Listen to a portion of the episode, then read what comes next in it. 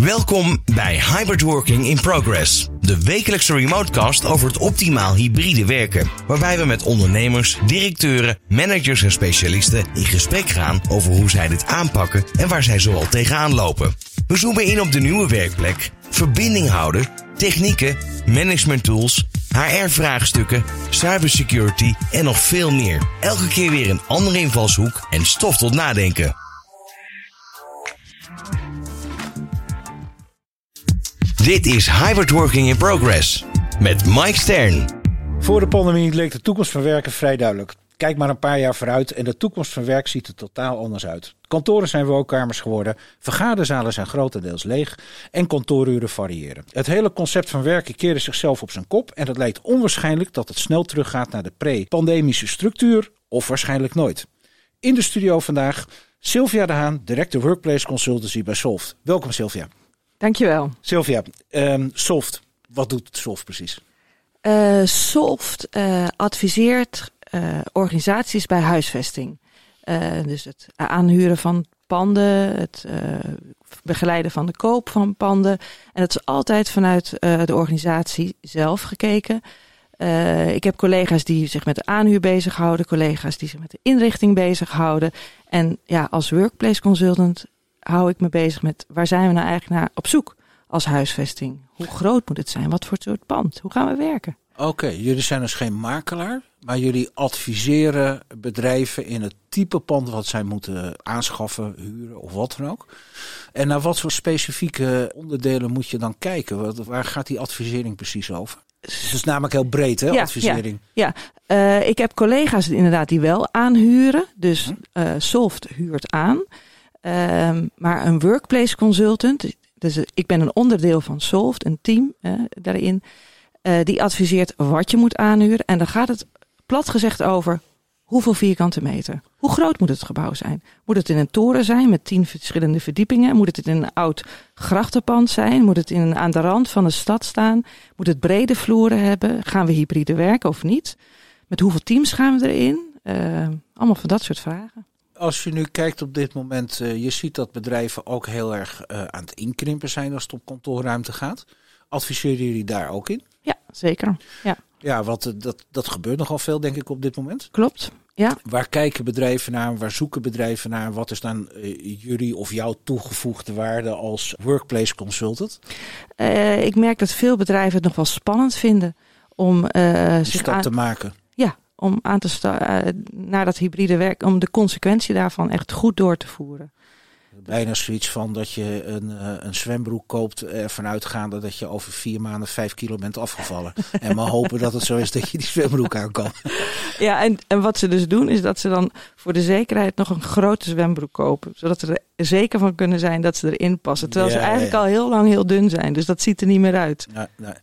Maar ik begrijp dan wel uit wat jij zegt dat veel bedrijven die keuzes zelf niet kunnen maken. Um, nou ja. Of gedeeltelijk. Of waar loopt men tegenaan om te zeggen: ik laat me daarin in adviseren? Waar zit het hem in? Nou, het, normaal, of ja, wat je veel ziet is dat iemand die heel hard roept. Uh, wat er, gaat, wat er moet gaan gebeuren, dat dat gaat gebeuren. Maar dat hoeft soms niet te zijn wat het beste is. Ja, dat klinkt een beetje wollig. Maar als iemand zegt van jongens, ik heb bij de buren gezien, de helft van de werkplekken kan eruit. Dan hoeft dat niet zo te zijn dat het bij jouw organisatie ook zo is. Dus daarom, uh, en wij doen dan onderzoek. Hè, dus we uh, hebben een enquête, we doen uh, interviews. ja, we hebben natuurlijk een, een enorme berg aan ervaring. Dus wij kunnen daar wel een goede estimate in geven. Uh, wat, hè, hoe, zo'n organisatie zich gaat bewegen in een pand en wat je dus daarvoor nodig hebt. Is het raar als ik dan ook zeg dat uh, uh, sinds zeg maar ja, de pandemie en het hybride werken wat eruit voort is gekomen, dat de vraag daardoor ook enorm gestegen is jullie? Nou, in ieder geval veranderd. Ja, zeker. Veranderd ja. in welk opzicht? Nou, voorheen ging je over huisvesting nadenken op het moment dat je huurtermijn afliep. Dus één keer in de vijf jaar krapte je achter je oren en denk van, oh ja, dat huurcontract op af. Wat, wat doen we? Oh ja, we zijn gegroeid of gekrompen. Dus we moeten er wat mee of we laten het zoals het is. En nu is er dus eigenlijk een nieuwe driver bijgekomen van ja, het huurcontract loopt nog steeds. We hebben nog steeds hetzelfde gebouw, maar ja, we moeten er toch wel iets aan veranderen. Wil het uh, een aantrekkelijke goede plek zijn voor hoe we nu werken. En dan weet men vaak niet van hoe dat dan te veranderen. Uh, dus het meest simpelste stap is dat je natuurlijk, wat de trend is op dit moment, dat er een hub of een woonkamer in moet. Of hè, waar je en een paar misschien ruimtes waar je rustig kan bellen, kan werken, dat soort zaken. Maar ik kan me voorstellen dat dat verder gaat dan alleen die aspecten die ik net noem. Ja, precies, precies. Waar moet ik aan denken dan? Nou, sowieso wat iedereen heeft het over dat kantoor als clubhuis en dat we er allemaal uh, de ontmoeting moeten faciliteren. Nou, dat, dat gebeurt, hè. Dus dat is ook heel leuk om uh, ja, uh, van de daken te schreeuwen van kijk, we hebben een hele gave koffiebar of een, een andere iets waar je, dat is, dat is een beetje sexy, dat is hartstikke leuk.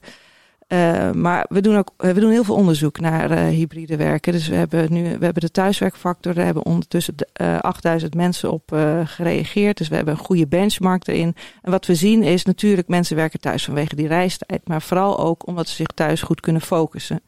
He, thuis heeft iedereen zijn directeurskamer waar hij alles in kan doen. En als hij op kantoor komt, dan moet hij zwemmen in die kantoortuin. En eigenlijk wordt dat vaak nog vergeten. Dus vaak wordt er dan wel ingezet. Kijk, we gaan hybride werken. We doen wat belhokjes.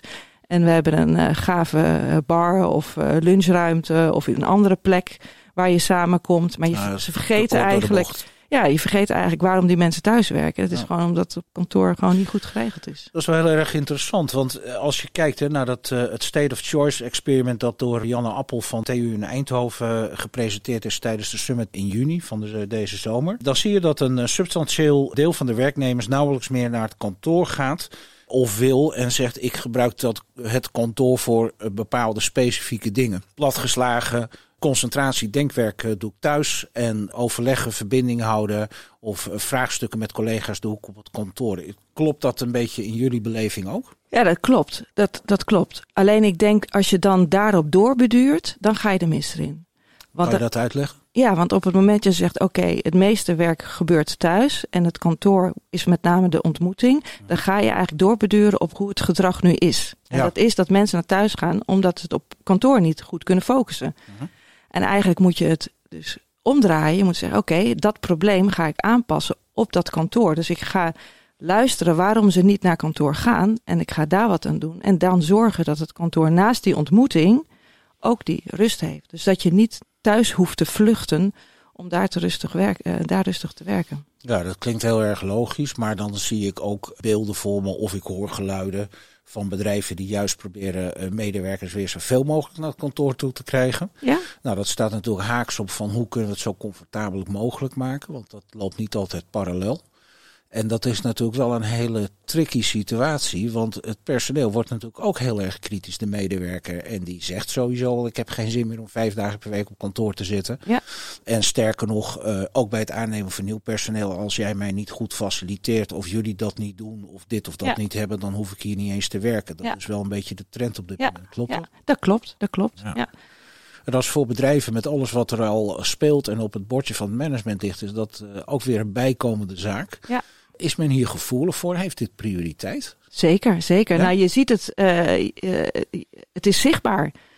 Het is heel veel kantoren die gewoon echt angstaanjagend leeg zijn op die vrijdag en die woensdag. Ja, daar wil je niet zijn. Dus dat, dat is echt een, een, een, hele vervelende situatie. Dus het, het, het laat zich zien. Ja, dan maak je ook wel een interessante opmerking. Hè? Van op die vrijdag en die woensdag. En laten we de maandag er dan ook maar aan vastplakken. Dan hebben bedrijven, ja, dat heeft misschien vaak nog te maken dat maandagochtend natuurlijk vergaderdag vaak is. Maar eh, stel even de, waarom ik het zeg. En die uh, is eigenlijk dat ik even aan wil sturen op uh, uh, dat de meeste bedrijven zeggen we willen toch wel dat medewerkers minimaal twee dagen per week op kantoor werken. Als het kan, hè. dat geldt natuurlijk niet voor alle jobs. Maar uitgerekend op dinsdag en donderdag. Dus eh, we zijn twee enorme filepuisten aan het creëren op deze manier. En dan, dan vraag ik me af van waar, waar komt dat vandaan? Wat is, ja, we zijn het allemaal gewend. Ik geloof maandag wasdag, woensdag gehaktdag. En dan krijgen we nu dinsdag en donderdag uh, kantoordag. Eh, heb jij enig idee waarom daar zo op die dinsdag en donderdag ingezoomd wordt? Ja, omdat de woensdag, eigenlijk is het de woensdag en de vrijdag heel laag qua bezetting. Dat heeft ook gewoon te maken met de, de kinderagenda. Lange heel weekenden. Veel, ja. Clubjes zijn op woensdag. Uh, school, vele scholen zijn nog, hebben woensdagmiddag vrij. Dus je ziet ook bij bedrijven waar veel vrouwen werken, dat die, uh, ver, ja, zeg maar, de kameel in de week, hè, dus dat je de hele lage bezetting op die woensdag en die vrijdag hebt ja, bedrijven waar veel vrouwen werken, helaas, daar zie je dat veel sterker dan bij meer.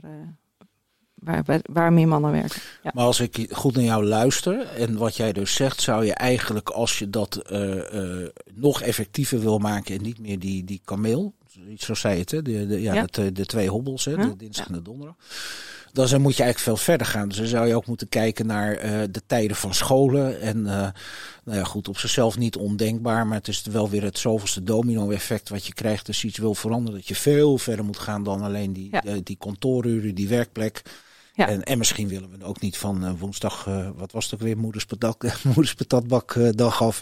het is wel herkenbaar. Je ziet zeker in marketing en communicatie dat die woensdag is eigenlijk mensen gewoon vaak totaal niet bereikbaar. Dat die ja. toch echt voor de kinderen is als het om ja, ik denk wel dat het enigszins valt te schuiven hoor. Dus het, ja. het, wordt nu wel heel, het is nu heel extreem. En je ziet ook bedrijven die uh, dat ook gewoon negeren en gewoon een rolerende teamdag hebben. Dus dan is het soms op maandag, soms op dinsdag, maar ook soms op woensdag of op vrijdag. En uh, dus daar kan je wel een beetje mee, uh, mee schuiven. En daarnaast denk ik, je gaat ook niet naar kantoor op die woensdag als het zo stil is.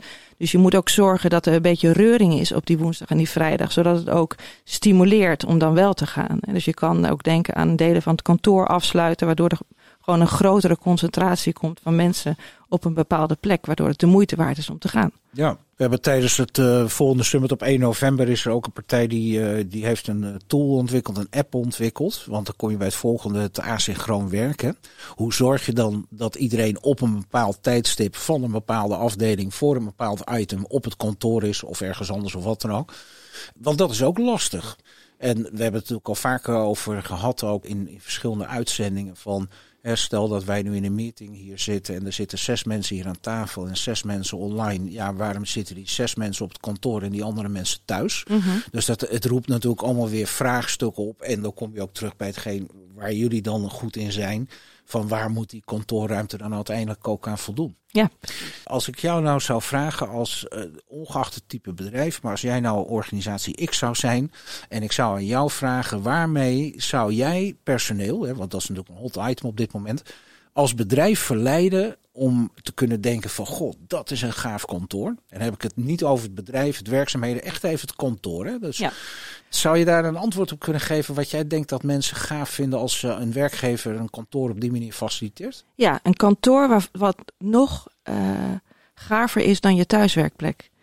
Als er nu wordt gemeten uh, wat, hoe waardeer je jouw thuiswerkplek en hoe waardeer je het kantoor, dan is de waardering voor de thuiswerkplek vaak hoger. Schandalig, want dan, ja, het kantoor wat bedoeld is om te werken, wordt dus eigenlijk minder gewaardeerd dan de thuiswerkplek die bedoeld is om vrienden te ontvangen, om dineetjes te hebben, om hè, dus je moet inzetten op dat kantoor. Dus als ik mensen zou willen verleiden hè, om uh, het meest fantastische kantoor te hebben, dan is dat een kantoor die veel meer uh, plekken biedt voor beschutting, voor uh, het hebben van calls, dat je niet hoeft te zoeken. Uh, dat je veel meer rustig kan werken. Uh, als, ik, als ik even onderbreek, als ik aan luister, dan zie ik in mijn in mijn gedachten al direct uh, waar, waar Google volgens mij als eerste heel populair mee werd. Hè, de, de poolbiljarts in de kantoorruimtes, ja. tafeltennistafels, ja. game, uh, game corners, uh, you, you, name it. Ja, moet je doen ook hoor. Moet je ja, doen. Ja. Maar, maar die vergeten we niet. Daar hoef je geen rocket science voor gestudeerd te hebben om te denken. Nee, precies. Maar ik denk ook wel, en misschien gaan we daaraan voorbij ik kan mijzelf herinneren, en dan heb ik het echt al over meer dan tien jaar terug, dat ik mij altijd er enorm tegen opzag als, als ik als consultant met een groep managers dan zogenaamde op de hei sessies. Dan kwam je bij zo'n hotel terecht met zo'n uh, zo'n zaal met TL-balk in, het plafond en uh, de elkaar tafels uh, in het grijs. En dat ik altijd zoiets had van, oh jongens, kunnen ze hier nou niet iets aantrekkelijker van maken? En dat is bij heel veel kantoren natuurlijk ook zo. Dat ja, die betonnen kolossen met die uh, TL-verlichte ruimtes erin, uh, met inderdaad het standaard kantoormeubilair. Dat is volgens mij niet van gisteren dat mensen daar zich al niet echt heel erg senang voelen. Nee, maar toch, de fantastisch mooie kantoors zijn nog steeds niet goed bezocht. Er zijn heel veel kantoren die Waar er fantastisch. Juist, precies. Daar, ja, daar wil ik dus aan toe. Ja. Want, en, en dat komt, want die hebben dat biljart en die hebben die uh, mooie uh, hotelachtige setting. En toch blijft iedereen thuis. En dat komt om. Eigenlijk is hetzelfde met het nieuwe werken. Toen het nieuwe werken kwam. Dus het jaren negentig. Uh, toen werd er heel erg in, werd gedreven door meubelleveranciers. Fantastische zitjes en oorstoelen. En het zag allemaal super kek uit. Het werd toen niet gebruikt. Waarom werd het toen niet gebruikt? Omdat de medewerkers eigenlijk niet het vertrouwen hadden van uh, overal kunnen werken. Nou, dat is door corona uh, opgelost. Hè? Iedereen, heeft het, iedereen heeft kunnen laten zien, we kunnen het echt wel zonder. Maar nu is de, waarom werken die medewerkers thuis? Dat is omdat ze thuis die, uh, ja, ik noem het dan hun eigen directeurskamer hebben. En op dat kantoor niet. Dus er wordt nu heel erg ingezet op dat ontmoeting. Hè, want we gaan naar kantoor voor die gezelligheid. Dat is ook de reden van de mensen om naar, nummer één, om naar kantoor te gaan voor die gezelligheid. En uh, we werken thuis nummer één vanwege de file. Is ook echt gewoon nummer één. Maar op nummer drie staat wel dat ze thuis kunnen werken vanwege die uh, betere focus. Het kunnen mengen van uh, privé en werk. En die dingen, die kan je naar het kantoor brengen. Ook die dingen van privé en werk kan je naar het kantoor brengen. Dus, uh, dat mag ik heel even onderbreken. Die vind ik wel heel erg interessant. Hè? De, er worden op dit moment al grapjes gemaakt hè, om de energierekening te besparen. Neem je hele familie mee naar het kantoor. Maar eigenlijk als ik naar jou luister, zou een kantoorpand dus ook iets kunnen zijn waar een kinderspeeltuin in zit, waar een school in zit. Trek het zomaar even uit mijn mouw hoor. Ja. Maar dat het, het kantoor vele malen anders er nog uit zou kunnen gaan zien. Dan dat wij ons nu misschien zelfs überhaupt kunnen bevroeden. Ja, ja in Parijs heb je daar een conciergerie voor. Dus het ja. is een, uh, uh, een, een, kleine kiosk in de uh, entreehal. En ja, die bestelt kaartjes voor de theater. Uh, daar kan je bloemetjes uh, bestellen, cadeautjes. Uh, een soort van ja, PA voor alle medewerkers in het pand. Die helpt jou in jouw privéleven om alles draaiende te houden. Ja. Maar goed, dat, dat is dan ook een, een stuk gemak, hè, wat je dan weer extra als emolument kan bieden aan mensen die binnen jouw organisatie werken. Ja. Maar ik wil even, toch dat even terug naar die kantoorruimte toe. Uh, want wat je net zegt, hè, als je kijkt ook naar dat, dat onderzoek van de State of Choice Experiment, dan zie je ook heel duidelijk dat mensen gewoon aangeven, ja, wat ik net al zei, hè, kantoor, dat doe ik de dingen die ik moet doen. En voor de rest wil ik thuis werken, want dan kan ik me concentreren, kan ik veel meer doen, ja. noem het allemaal maar op. Maar dat is dus erg, hè? Dat je thuis meer kan doen dan op je kantoor. Dat is toch raar? Nou, tot zover. Kijk, wat je natuurlijk vaak hoort, is dat op een gegeven moment als je mensen. Er is op een gegeven moment ook een onderzoek geweest. Dat was uh, tussen de twee lockdowns in. En toen werd, er was altijd de veronderstelling van mensen willen naar het kantoor, hè, want ze missen het praatje aan het koffieapparaat en socializing, dat soort dingen. Later bleek dat heel erg mee te vallen. En dat men eigenlijk uit onderzoeken naar voren kwam dat mensen het fijn vinden op kantoor. Dat je heel snel naar iemand toe kan lopen, een vraag kan stellen, die jou kan helpen, kan overleggen en gewoon weer door kan. En alle andere dingen, als je op, uh, op afstand werkt, mensen niet bereikbaar zijn, in gesprek zijn, noem het maar op. Dat dat een hele belangrijke reden was dat mensen op kantoor wilden werken. Nou, we zijn natuurlijk contactdieren, eh, zoals dat uh, genoemd wordt. Mensen willen contact met elkaar, willen af en toe ook even een ander gezicht zien. Dat is allemaal heel erg logisch. Maar dat maakt voor mij nog steeds niet duidelijk wat dan de echte functie. En het blijkt op dit moment, hè, kantoren staan gewoon massaal leeg. Ja. Dus er is waarschijnlijk iets aan de hand dat mensen denken, joh, ik heb dat kantoor niet nodig. Kan ik nog een stap verder gaan? Waarom zou ik in de file moeten gaan staan als het niet hoeft? Ja. Zeker nu hè, het slechte weer eraan komt en uh, niemand zin heeft om een uur, anderhalf uur uh, met donker de deur uit en met donker weer binnen. Ja. Nou, dat vind ik nog een begrijpelijke, maar het is nu nog niet zo ver en toch staan die kantoren leeg. Dus dan is het voor mij logisch dat bedrijven gaan nadenken wat jij net zei van hé, hey, uh, misschien moeten we gaan downsizen, maar hoe moeten we dat dan gaan doen? Mhm. Ja, precies. Maar zijn er dan ook bedrijven in jullie netwerk die juist zeggen: nee, wij, wij doen het precies andersom. Wij gaan juist groter, want, vul maar in, dat ze iets bedacht hebben omdat ze die ruimte wel nodig gaan hebben? Nou, niet elk bedrijf werkt hybride. Nee, uiteraard. De meeste wel, maar niet elk. Dus dit, uh, ja. Nee, goed. Je zegt niet elk bedrijf werkt hybride. Dat is logisch. Nee, hoeft dus ook niet. Hoeft niet. Er zijn ook bedrijven, daar kan het niet altijd. Nee, hè. Dat heeft ook met functies te maken. Ja. Maar als je dan kijkt naar bedrijven die wel hybride werken, hoe verhoudt zich dat tussen die uh, zeg maar juist zeggen we gaan kleiner of ze juist zeggen we gaan groter? Is dat goed zichtbaar? Ja, bijna iedereen gaat kleiner. Toch wel? Ja. ja, ja. En dat heeft natuurlijk ook met kosten te maken. En zelfs de bedrijven die al kleiner zijn gegaan, daar zien we dat het eigenlijk misschien wel nog kleiner had gekund. Komen er andere dingen voor terug? Wordt het luxer? Omdat uh, kosten bespaard wordt? Of uh, wordt juist bij het kleine gaan uh, wel goed nagedacht over die huiskamer, die pooltafel, die pingpongtafel, you name it? Ja, wel. Want op het moment dat je kleiner gaat, zijn bedrijven die gaan ook echt van persoonsgebonden bureaus naar ja, bureaus die je met elkaar deelt. Dus dan ga je kleiner. Dan heb je dus niet meer één werkplek op kantoor waar je alles doet. Maar heb je verschillende werkplekken waar je verschillende dingen kan doen. Dus je kan sowieso al veel meer variatie in die werkomgeving uh, brengen. Ja. ja, andere manier van werken, andere manier van teamwork. En jullie hebben ook iets heel slims bedacht om een stuk awareness te creëren. Jullie doen een roadshow met een hele mooie truc. En uh, daar hebben jullie zelfs tijdens de vorige summit de Gouden Werkplek Award mee gewonnen. En wat jullie doen is dat jullie bedrijven bezoeken en leg het zomaar uit om, maar dan even voor de luisteraar. In die truck zit een escape room. En daar hebben jullie een bepaald doel mee. Kan je daar iets meer ja. over vertellen? Ja, wij, wij focussen ons op de werkomgeving. Maar we zien natuurlijk ook dat dat valt of staat met het gedrag. Uh, dus dat was natuurlijk een frustratie van hoe, hoe krijgen we mensen daarin mee? En uh, we hebben inderdaad een escape room bedacht. Dus dan ga je als team in met uh, Max 8. Dat is gewoon een volledige kantooromgeving, vind je daar. Een hybride kantooromgeving. Er zit ook een thuisomgeving in.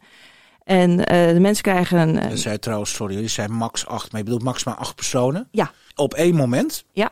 Bij grotere bedrijven hebben jullie dan meerdere sessies in één keer op één dag, neem ik aan. Zeker, het is een constante achter okay, elkaar ja, ja. Oh, nee, dus prima, het is ja. een, een, een uur max dat het duurt. En uh, ja.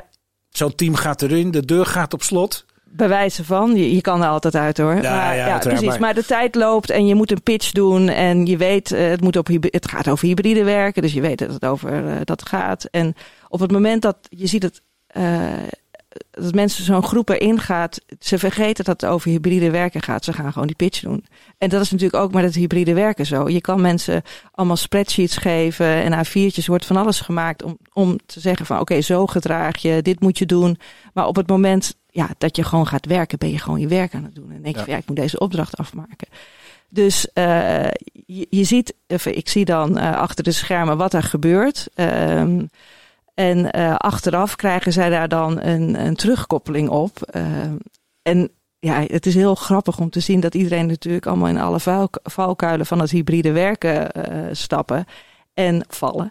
En achteraf kunnen wij dan met een lach daarop wijzen. Van, goh, ja, je, weet je, je ging daar uh, op een gegeven moment op je knieën zitten bellen, weet je wel. Doe je dat altijd? Of hahaha. En de andere die, een collega reageert er dan op van, ja, nou ja, normaliter loopt hij altijd rond. En oh, vind je dat dan? Dus, misschien kan je daar, zo had je daar ook kunnen bellen. Dat was er. Oh ja, dacht ik niet aan. Dus eigenlijk door het echt te doorvoelen en met het gesprek te koppelen van wat er in die escape room als spel gebeurt aan de realiteit, valt er eigenlijk een kwartje. En is, he, dat heeft veel meer impact uh, in het veranderen van gedrag dan dat je het ze vertelt, ze aanhoort en uh, weer weglopen. Als dan uh, stellen, het is een, ik heb een bedrijf, ik heb tien teams, uh, 80 mensen totaal, die gaan allemaal de escape room in, ja. hebben dan allemaal de experience gehad, ja. de leermomenten die erin zitten. Ja. Doen jullie dan nog meer naar zo'n organisatie toe? Komt daar een rapportage van? Zit er nog een trainingsprogramma achter? Ja. Hoe steekt dat? Het is meer dan alleen die escape Nou, dat kan. Ja, inderdaad. Want we kijken natuurlijk ook naar uh, hoe de huisvesting is. Inderdaad. Dus we, we, we, wat we horen in die, uh, in die feedback uh, kunnen wij ook koppelen aan de omgeving waarin ze zitten. Van ja, nogal wie dus. Ik denk ook dat je dit en dit kan veranderen. Of als er echt heel erg op gedrag doorgepakt moet worden. Ja, dan een gegeven moment halen wij er dan ook een expert ook nog weer bij die dan echt alleen maar op gedrag zit. Maar uh, ja. Met als uiteindelijke doelstelling dat jullie aan de hand van de uitkomst van de escape room bedrijven beter kunnen adviseren en wat voor soort kantoorruimte zij het beste kunnen werken? Of zeg ik dat dan? Ik zie jou een beetje scheef kijken. Wil jij het mij uitleggen? en de luisteraars ook. Zeker, Slaat zeker. even plat. Dan maakt het iets begrijpelijker. Ja, uh, nou we hebben ze al geadviseerd vaak. Maar we, het kan ook achteraf ingevlogen worden. Dus vaak ligt er al voor een bedrijf een plan voor hoe ze die werkomgeving willen aanpassen. Of hebben ze het al gedaan, maar komt het nog niet verder van de grond. En dan is dit echt de aanjager om gewoon, en ook op een leuke, enthousiaste manier. Want het, er hangt soms ook een soort van beladen, oh, gaan we het weer over hybride werken hebben. Nee, dit is gewoon fun. Er staat gewoon een, uh, een escape room. Uh, voor de deur. Er komt gewoon uh, spirit en energie los. Lerende entertainment. Ja, het is echt leuk. leuk. Je, ziet mooie dingen gebeuren. Even een vraagje. Nee, dan snap ik dat uh, je natuurlijk niet uh, allemaal kan vertellen wat er in die truc gebeurt. Want dan is natuurlijk de jus eraf. Maar ik hoorde van de week een voorbeeld van een bedrijf. Die hadden het hele hybride werken al vanaf het begin af aan helemaal van A tot Z doorgevoerd. En die zochten ook naar allerlei ludieke dingen hè, om een stukje awareness te creëren. Ook dat het goed beklijft bij mensen. Nou, dat was bijvoorbeeld dat iedereen een handdoekje had gekregen. Uh, onder het mom van uh, met de link van uh, dat je geen bureau of stoel of claimt met je jas op je tas erop terwijl je er niet bent. Hè? Het ja. bekende handdoekje bij de ja. zwembaden op vakantie. Ja. Kan jij een tipje van de sluier oplichten wat nou wat, wat in die truc zit dat je zegt van nou dat is, dat is het gaaf dingetje dat, dat, dat landt echt bij iedereen? Um, of vraag ik dan te veel? Nou, ik, ik haak even aan op jouw jas. Ja. Um, want hij, het zit bomvol met kleine, uh, kleine uh, punten. En bij elke groep is het ook een beetje anders wat er gebeurt. Maar bijvoorbeeld bij jouw jas. Um, in eerste instantie, want we hebben hem zelf ontwikkeld. Dus we hebben ook alle spellen zelf ontwikkeld. Zij echt wel op hybride werken geënt. Dus op een gegeven moment zag ik ook een groep. En die ging ook de jas inderdaad over die werkplek hangen. Ja, dan, dat is dus precies dat handdoekje leggen wat je niet wil hebben. Maar we hadden nog geen kapstok. Dus op een gegeven moment hebben we ook een kapstok ingedaan. Dat zijn wat designachtige kapstok, dus dat zie je ook niet direct. En uh, het is dus inderdaad de bedoeling dat je dus daar dan die uh, uh, jas op hangt. En dat je dus niet hem over je stoel hangt. Ja. De volgende groep kwam binnen en die hing een tas over die kapstok heen. En de mensen gaan zo werken, weet je, gebeurt al. En dan op een gegeven moment een collega, die pakt die tas en die begint die gewoon uit te pakken. Want die dacht dat het onderdeel van het spel was. Okay. De tas hoorde bij de truc, uh, de escape room. ja, ja, ja. Ja, ja, maar ja, hoe ga je om dus met persoonlijke spullen die je dus in een werkomgeving legt? Leg je die in een kluisje als het dus inderdaad zo heel persoonlijk is? Kan dat in de, kan dat in de open ruimte? Wanneer ruim je het wel op, wanneer niet? Ja, dat is, dat is heel klein dingetje, maar dat sluit aan bij, de, bij het handdoekje leggen. Als je kijkt naar de hele situatie even op dit moment in de markt, er gebeurt heel erg veel. Management is met heel veel dingen tegelijk bezig. Is het dit wat jullie doen ook echt uh, wat wel on top of mind is? Of moet je best wel heel veel moeite doen om bedrijven ook in het verhaal mee te krijgen, om anders te leren denken, personeel erin te betrekken. Dat is ook belangrijk. Hè? Je betrekt personeel bij Zeker. je keuzes. Uh, Ja. Wordt heel vaak aan voorbij gegaan. En wat voor type organisaties moet ik dan denken die een beroep op jullie doen? Um, nou, dat, dat varieert van, we doen veel voor semi-overheid, uh, uh, goede doelen uh, werken we veel voor, maar ook commerciële bedrijven, maakbedrijven. Ja, het is echt van groot naar klein. Um, en de vraag die nu veel op tafel ligt, is inderdaad van waar is iedereen? Wat, hoe, hoe kom. Dat is natuurlijk de, de managers, leidinggevenden, die zijn heel erg bezig met hoe krijg ik die verbondenheid weer terug in de organisatie? Hoe zorg ik dat ik uh, niet een medewerker heb die van het ene naar het andere bedrijf uh, loopt? Hoe zorg ik dat iemand naast zijn werk ook iets bijdraagt aan de kennisoverdracht naar hè, jongere uh, collega's, zodat die snel uh, on speed zijn. Hoe zorg ik dat we samen weer nieuwe dingen creëren? Dat zijn de, de thema's die wij, ja, die nu spelen en waar mensen mee bezig zijn. Die eigenlijk een beetje weggeëpt zijn natuurlijk in de coronatijd, omdat het niet anders was. Waar nu vol, meer vol wordt op ingezet. Ja. Maar dat houdt dus ook in uh, wat, wat mij logisch lijkt. Dat enerzijds wat jij zegt, van er zijn meer aspecten bijgekomen. Je ziet ook dat jullie misschien, ik hoor jou een aantal dingen noemen, dat ik denk van, hé, hey, hoort dat allemaal bij huisvesting? En die tendens, die, die zal voor jullie denk ik ook wel herkenbaar zijn. Het is allemaal niet meer zo zwart-wit. Het, uh, dingen beginnen door elkaar heen te lopen. Ja, heel goed is dat. Ja, en je, en je ziet ook inderdaad, hè, waar je voorheen jullie misschien enkel en alleen met, met directie of facilitair management aan tafel zaten, dat HR en ICT ja. inmiddels ook aangeschreven zijn, of uh, IT. Dat maakt het natuurlijk wel lastiger, want je krijgt natuurlijk veel meer invalshoeken. Dat betekent ook in het beslissingsproces dat dat denk ik ook zal vertragen, omdat er gewoon meer partijen bij betrokken zijn. Is dat herkenbaar voor jullie? Ja, je hebt wel vaak één karttrekker. Ja, oké. Dus Ja. dat is dan uh, ofwel iemand van HR of iemand van facilitair. Dus dat, dat scheelt. Ja. Ja. Maar als ik dan terugkijk in de tijd, dan kan ik mij voorstellen dat het voor jullie logischer was om enkel en alleen met iemand van facilitair aan tafel te ja, zitten. of finance. Ja, precies. En niet zozeer van HR. Dus Ja. je ziet wel dat die hele HR-instroom een heel belangrijke functie Ja. vervult. En dat is ook wel logisch, omdat eigenlijk wat je op dit moment ziet, is dat bedrijven toch wel heel erg ook gedwongen worden om de mens slash medewerker veel meer centraal te gaan sterk eh, zetten. ja. Je ziet ook dat bedrijven die personeel, wensen van personeel centraal stellen, dat die veel succesvoller zijn en ook makkelijker personeel kunnen vinden en behouden. Ja.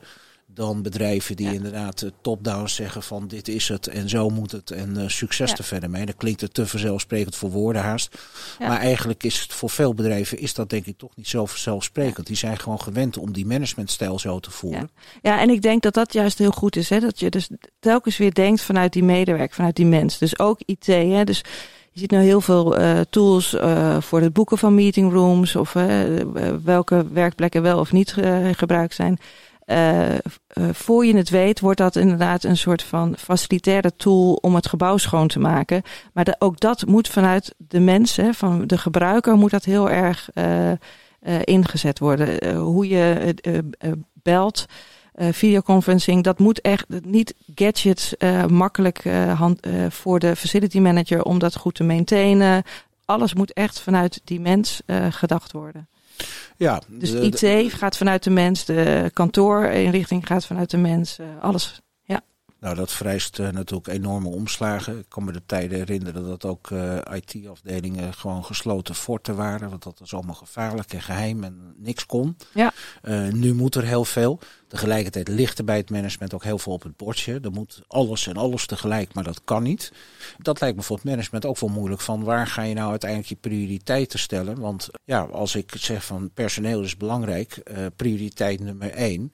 Ik kom er tegelijkertijd achter dat ik niet kan faciliteren wat de, nieuwe generatie medewerkers verwacht. Dan heb ik dus een probleem. Ja. Als ik dat wil gaan aanpassen en ik krijg vervolgens te horen vanuit facilitair dat daar bepaalde dingen niet mogelijk zijn. Of, en eh, het lijkt wel zo'n soort rabbit hole. Hè? Het, het, het lijkt mij, managen op dit moment lijkt mij enorm complex. Ja. Ja. Herken jij dat ook in de contact in de markt? En, Ja. eh, Ja, is, is zo, is zo. En ehm, wat, ik, eh, wat ik nu veel zie is dat management dan, als we het dan over dezelfde term gebruiken, management dan eh, graag wil dat de medewerker zich anders gedraagt.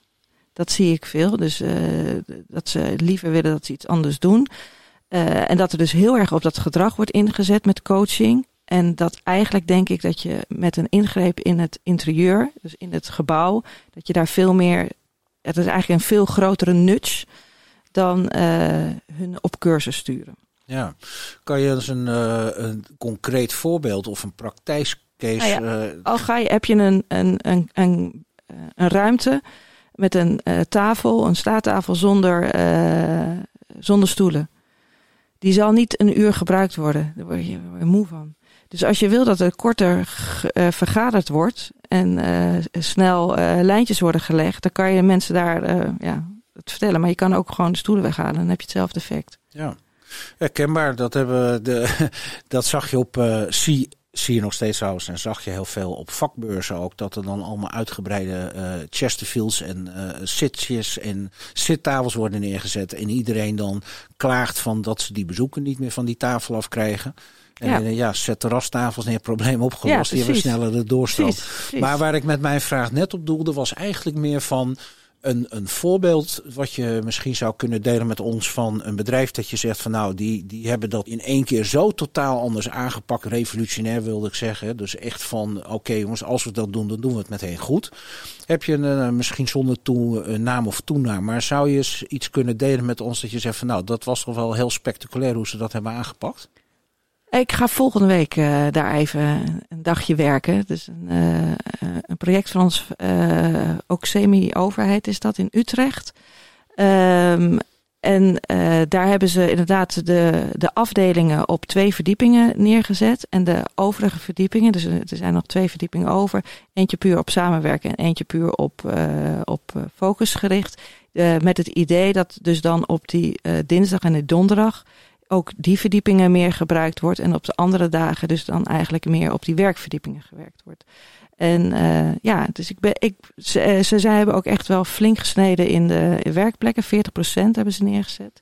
Uh, en het, de eerste tekenen zijn dat er maximaal ook 40% van de mensen naar kantoor gaat. Dat is trouwens een heel een cijfer wat ik overal hoor. Dus 40% van de mensen die gaat op een piekmoment. Dus dan hebben we het op die dinsdag en die donderdag naar kantoor.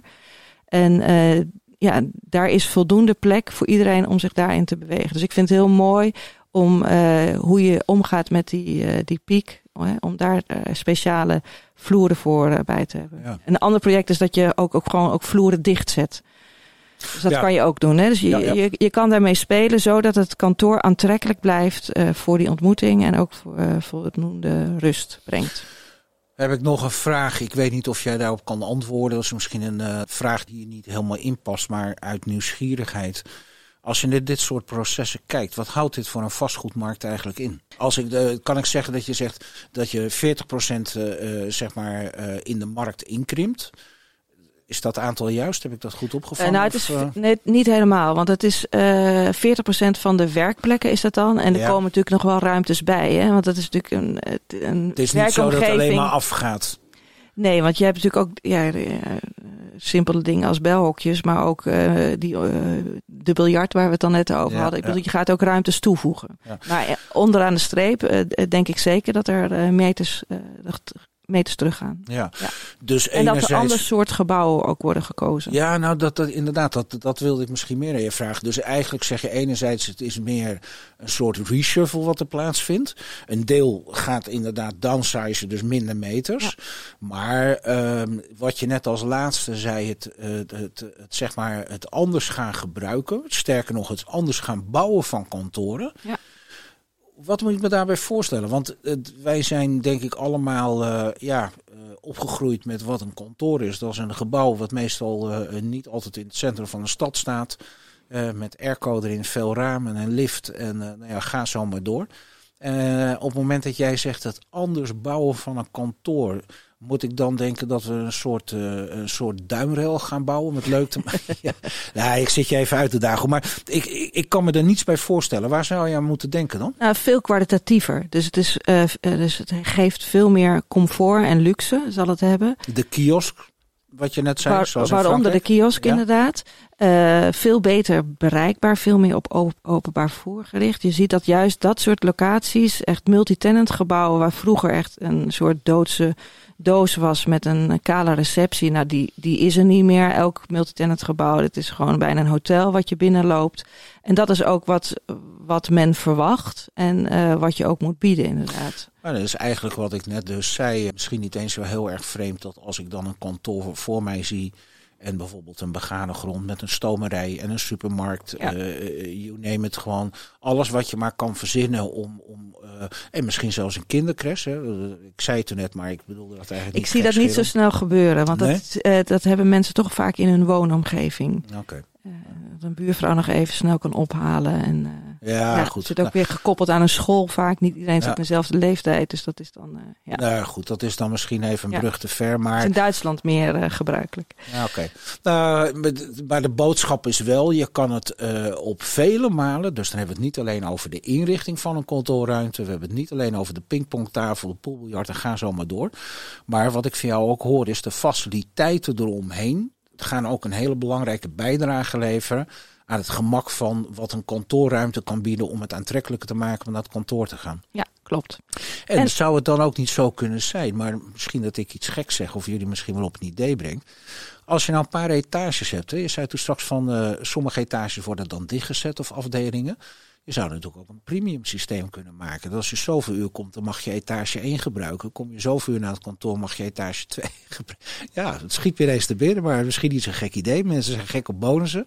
Ja, dat hangt er vanaf. Een kantoor is vaak heeft vaak ook een soort persoonlijkheid en identiteit in zich. En dat is ook maar goed ook. Ja. Uh, want dat, iemand moet zich wel vereenzelvigen met, uh, met zijn brand en uh, waar hij voor werkt. Dus dat zal met andere bedrijven lastig zijn, denk ik. Ja. Ja. Um, Ja. Als ik kijk uh, naar uh, uh, jouw zakelijke contacten, ik denk dat dat inderdaad HR, facilitair management is, algemeen management en uiteraard IT-management. Dat is een beetje misschien over de grootste groep gehad. Wat zou je hen op dit moment mee willen geven? Je denkt van, goh, als ik dat nou zou kunnen zeggen en iedereen iets mee zou kunnen geven, is er echt iets, iets specifieks dat je zegt van, ja, dat, daar kan ik iets in bij, aan bijdragen als ik dat meegeef? Mm. Zet ik je nu voor een hele lastige vraag? Nou, ik denk wel dat. dat uh, kijk, niet, kijk niet naar de buren. Dat klinkt een beetje raar, maar. Uh, er wordt heel vaak. Ik noemde net bijvoorbeeld die 40% die ik noemde als voor semi-overheid als uh, een maximale piek. Uh, ga nu niet op 40% zitten. Weet je? De, de, elk bedrijf is wel zo specifiek dat het. Uh, dat wat ik zou meegeven is: kijk echt naar jouw organisatie. Uh, hoe zij, uh, uh, hoe, hoe een organisatie werkt. hoe de groepen werken met elkaar. Dus hoe de teams werken met elkaar, of je dat meer wil. En koppelt dat echt aan jouw visie. Aan jou, waar jij als bedrijf voor staat. En wat voor stap jij wil maken. Dus is het zo dat jij inderdaad heel erg op die innovatie zit. En met elkaar met teams wil gaan samenwerken. Uh, laat dat de, het, het startpunt zijn voor uh, hoe je jouw kantoor inricht. Zit je heel erg op kostenbesparing omdat de, de markt in elkaar klapt. Laat dat de driver zijn om bepaalde keuzes te maken. Maar stel dat met elkaar eerst vast en zet daarop in. En hybride werken, ja, daar, daar kan je niet meer omheen. Dus ik Nee. denk dat we daar wel, dat je dat wel echt moet accepteren. Ook al wil je dat misschien niet. Uh, en daar kan je wel in uh, variëren, uh, to what extent inderdaad. Nou ja, kijk, het is al een langere tijd, uh, kennen we natuurlijk de term van remote working is here to stay. Ik denk ook niet meer dat we er omheen kunnen. Ik denk ook niet dat het logisch is, want uiteindelijk we het net nie, erover, niemand wil meer in die files eigenlijk staan. Het milieu, hè, wat je kan ontlasten door gewoon minder te, te reizen. Ik denk ook dat het leuk is dat je eigenlijk het, je, je gezinsbeleving en je thuis zijn anders gaat beleven. Dat dat heel veel mensen goed bevallen is. Dus dat je er niet omheen kunnen, dat is dus een ding wat duidelijk is. Maar kort samengevat, er valt dus nog wel heel veel te leren. En ik wil jou in ieder geval enorm bedanken voor jouw bijdrage. Wij zien jullie uh, als Soft uh, ook weer terug tijdens de Remote Working Summit op uh, 1 november. En bedankt voor je tijd en ontzettend leuk dat je deze bijdrage hebt geleverd. Ja, ook bedankt Mike. Graag gedaan. Leuk dat je weer hebt geluisterd. En volgende week zijn we weer met een nieuwe Remotecast. Heb je een aflevering gemist? Of wil je zelf deelnemen aan onze live events en netwerken? Kijk dan voor meer informatie op remoteworkingsummit.nl. Deze Remotecast wordt mede mogelijk gemaakt door Communicatief.